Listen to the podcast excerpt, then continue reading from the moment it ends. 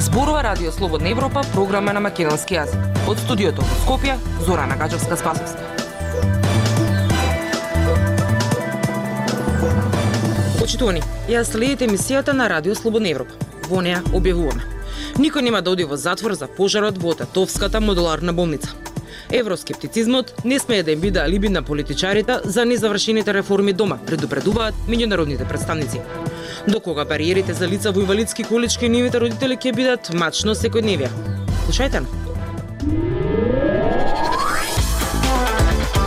Независни вести и анализи за иднината на Македонија. на Радио Слободна Европа и слободнаевропа.мк. Поречи се две години низ судските лавиринти. Пристигна и правниот епилог за пожарот во Татовската модуларна болница во кој загинаа 14 луѓе. Двајцата поранешни директори на клиничкиот центар во Тетово добија условни казни затвор а докторот кој бил на смена добил ослободителна пресуда.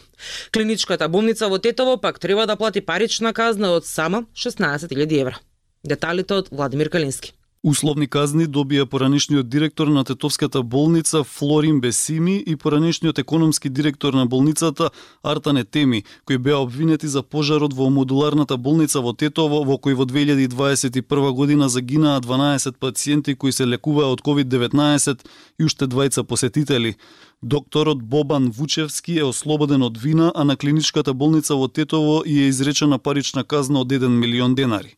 Судијата Јордан Велковски денеска во судот во Тетово рече дека обвинетите предизвикале опасност за животот на пациентите и нивните роднини кои биле во болницата кога избувнал пожарот, посочувајќи дека директорите Бесими и Етеми се осудени на казна затвор од по една година и 6 месеци, но дека им се изрекува условна пресуда. Условната казна нема да се изврши а ако во рок од три години не сторат ново кривично дело, рече судијата Велковски.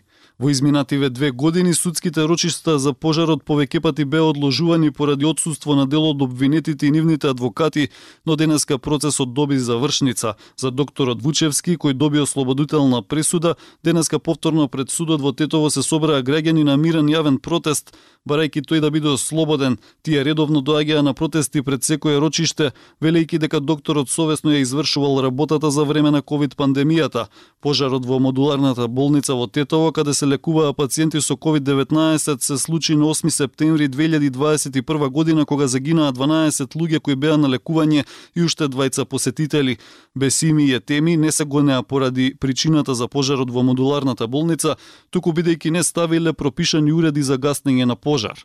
На Вучевски му се судеше бидејќи дозволил влез на роднини во болничките соби, иако тоа било забрането. Судијата, изрекувајќи ја денеска казната, рече дека обвинетите не поставиле пропишани уреди за заштита од пожар и со тоа предизвикале опасност за животот и телото на луѓето и пациентите со COVID-19.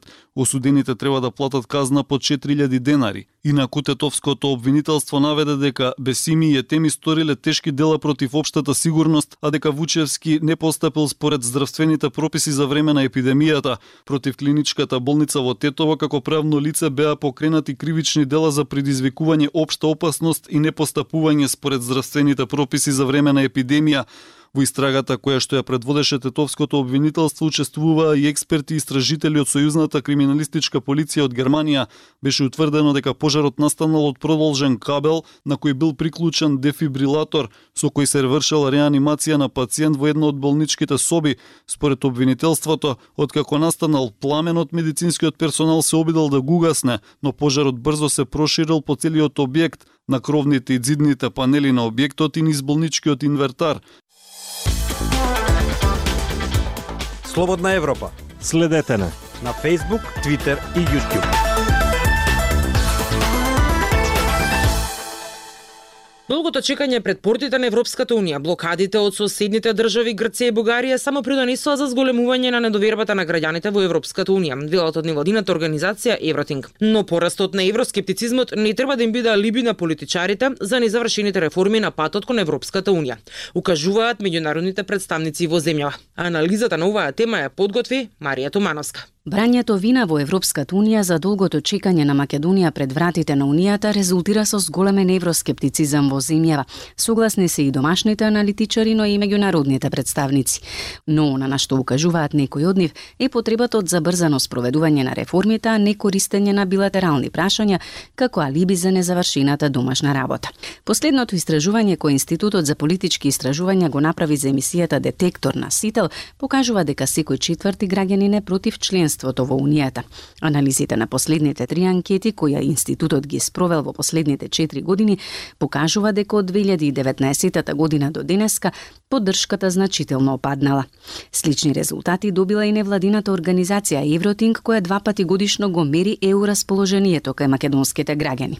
Извршниот директор на организацијата Димитар Николовски вели дека процентот на согласност дека членството на Македонија во ЕУ би било добра работа во 2022 се намалило на 49 од 69% колку што било во 2021 година. Николовски вели дека ваквиот однос на граѓаните кон ЕУ им одговара на политичарите на власт кои покажувајќи ја ЕУ како главен виновник за долгото чекање на Македонија пред вратите на ЕУ се ослободуваат од одговорноста на незавршените работи. Политичарите дефинитивно тоа го користат како едно вид на оправдување и е, понекогаш дури и ги занемаруваат критиките кои ги добиваме од Европската унија во однос на борба против корупција, независност на судството и а, слични такви прашања. И тоа е секако добар добар изговор. Се до пред две години Николовски вели дека и покрај сите разочарувања од евроинтегративниот процес граѓаните покажувале доверба во ЕУ. Според него неизвестноста на самиот процес, уморот и губењето надеж дека работите ќе се подобрат се главните причини за зголемениот евроскептицизам.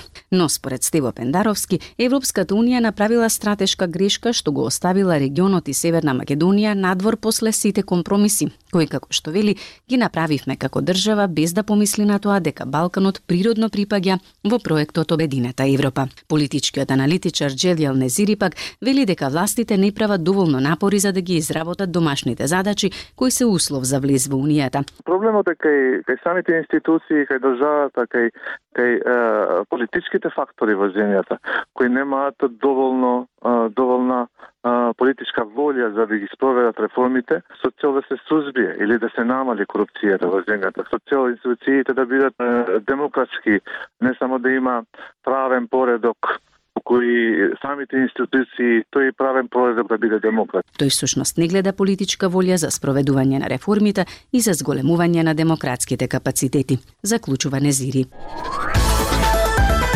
Радио Слободна Европа, светот на Македонија.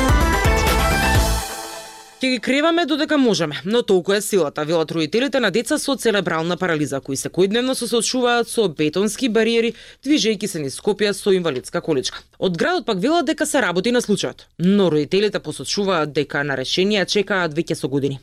Прилог на Емилија Бунтовска Нацовска. На патот кон училиште Дени ја користи пристапната рампа, а со учениците најчесто скалите. А како е внатре? Со учениците немам замерку на вистина се многу добри другари, ми помагаат, се дружиме. Вели средношколката Дени Жерновска која живее со церебрална парализа. Но надвор ја чекаат бетонски бариери од сите страни. Дали 1% од тротоарите каде што се движиме се слеани во ниво со самата улица. Изјави Ирена Жерновска, мајка на Дени. Кај тази реконструирани улици е во ред, но во строгиот центар на градот речиси на секој чекор останува старата болка. Од град Скопје велат дека се работи на случајот. Градот направи детекција на сите точки каде е необходно слевање на рамници за подобрена пристапност. На сите улици и булевари, кои се под градска надлежност, при нивна реконструкција во изминатата година, истите се прилагодуваат, додека за оние кои не се предвидени за реконструкција, со акцијски план се делува за обезбедување пристапност. Но тоа трае со години, забележуваат родителите. Вакви проблеми имаат и Марија и незината мајка Оливера,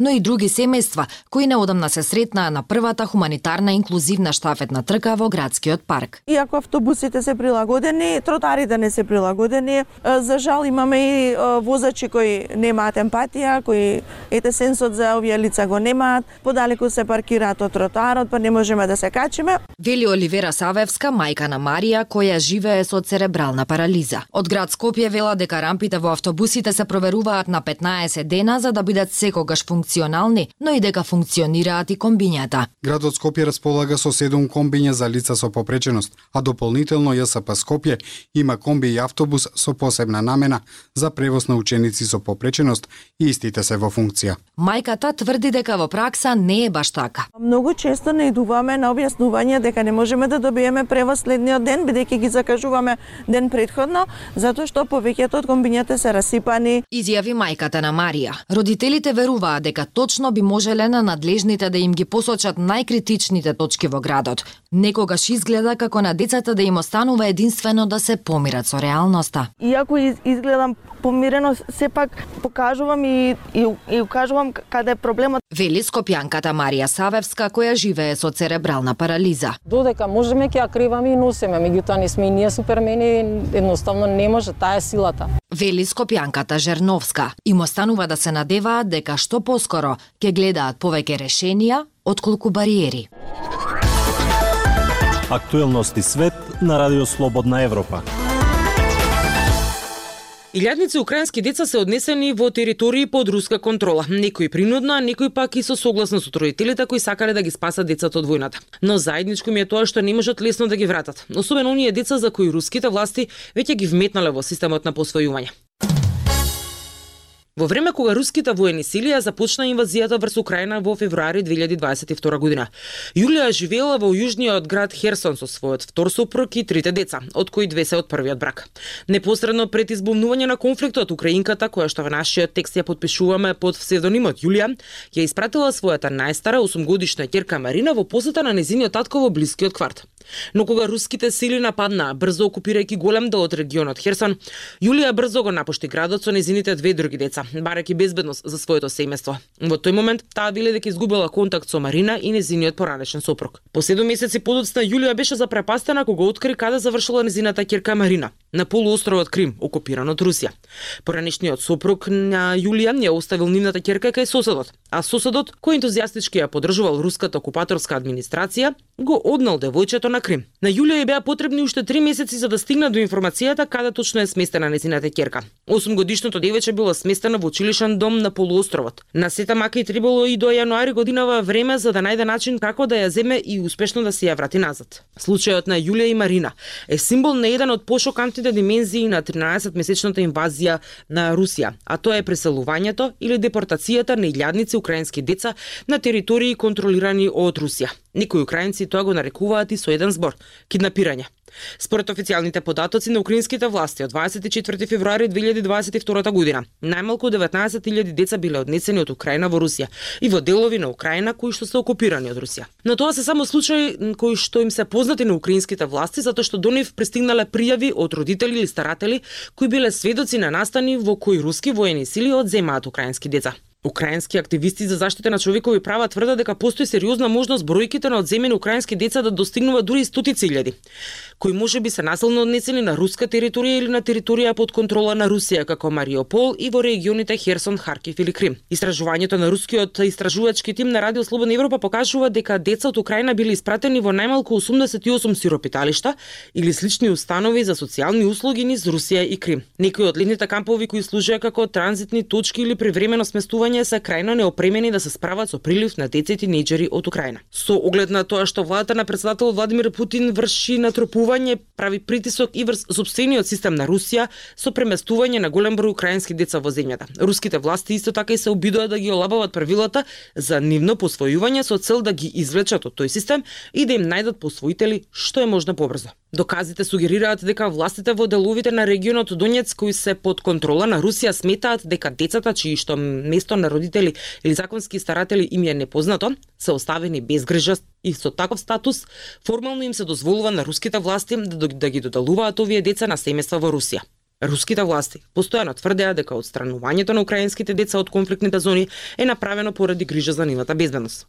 Но ако има други преживеани роднини како тетки, чичковци, братучеди или баби и дедовци со кои децата може да се обединат, тогаш преместувањето на украинските деца преку меѓународната граница во Русија е нелегално, велат експерти кои додаваат дека тоа веќе е воено злосторство. Тоа беше се што ви подготвивме за оваа емисија. Со вас од студиото во Скопје беа Зора Нагажевска Спасовска и Дејан Балаовски. До слушање.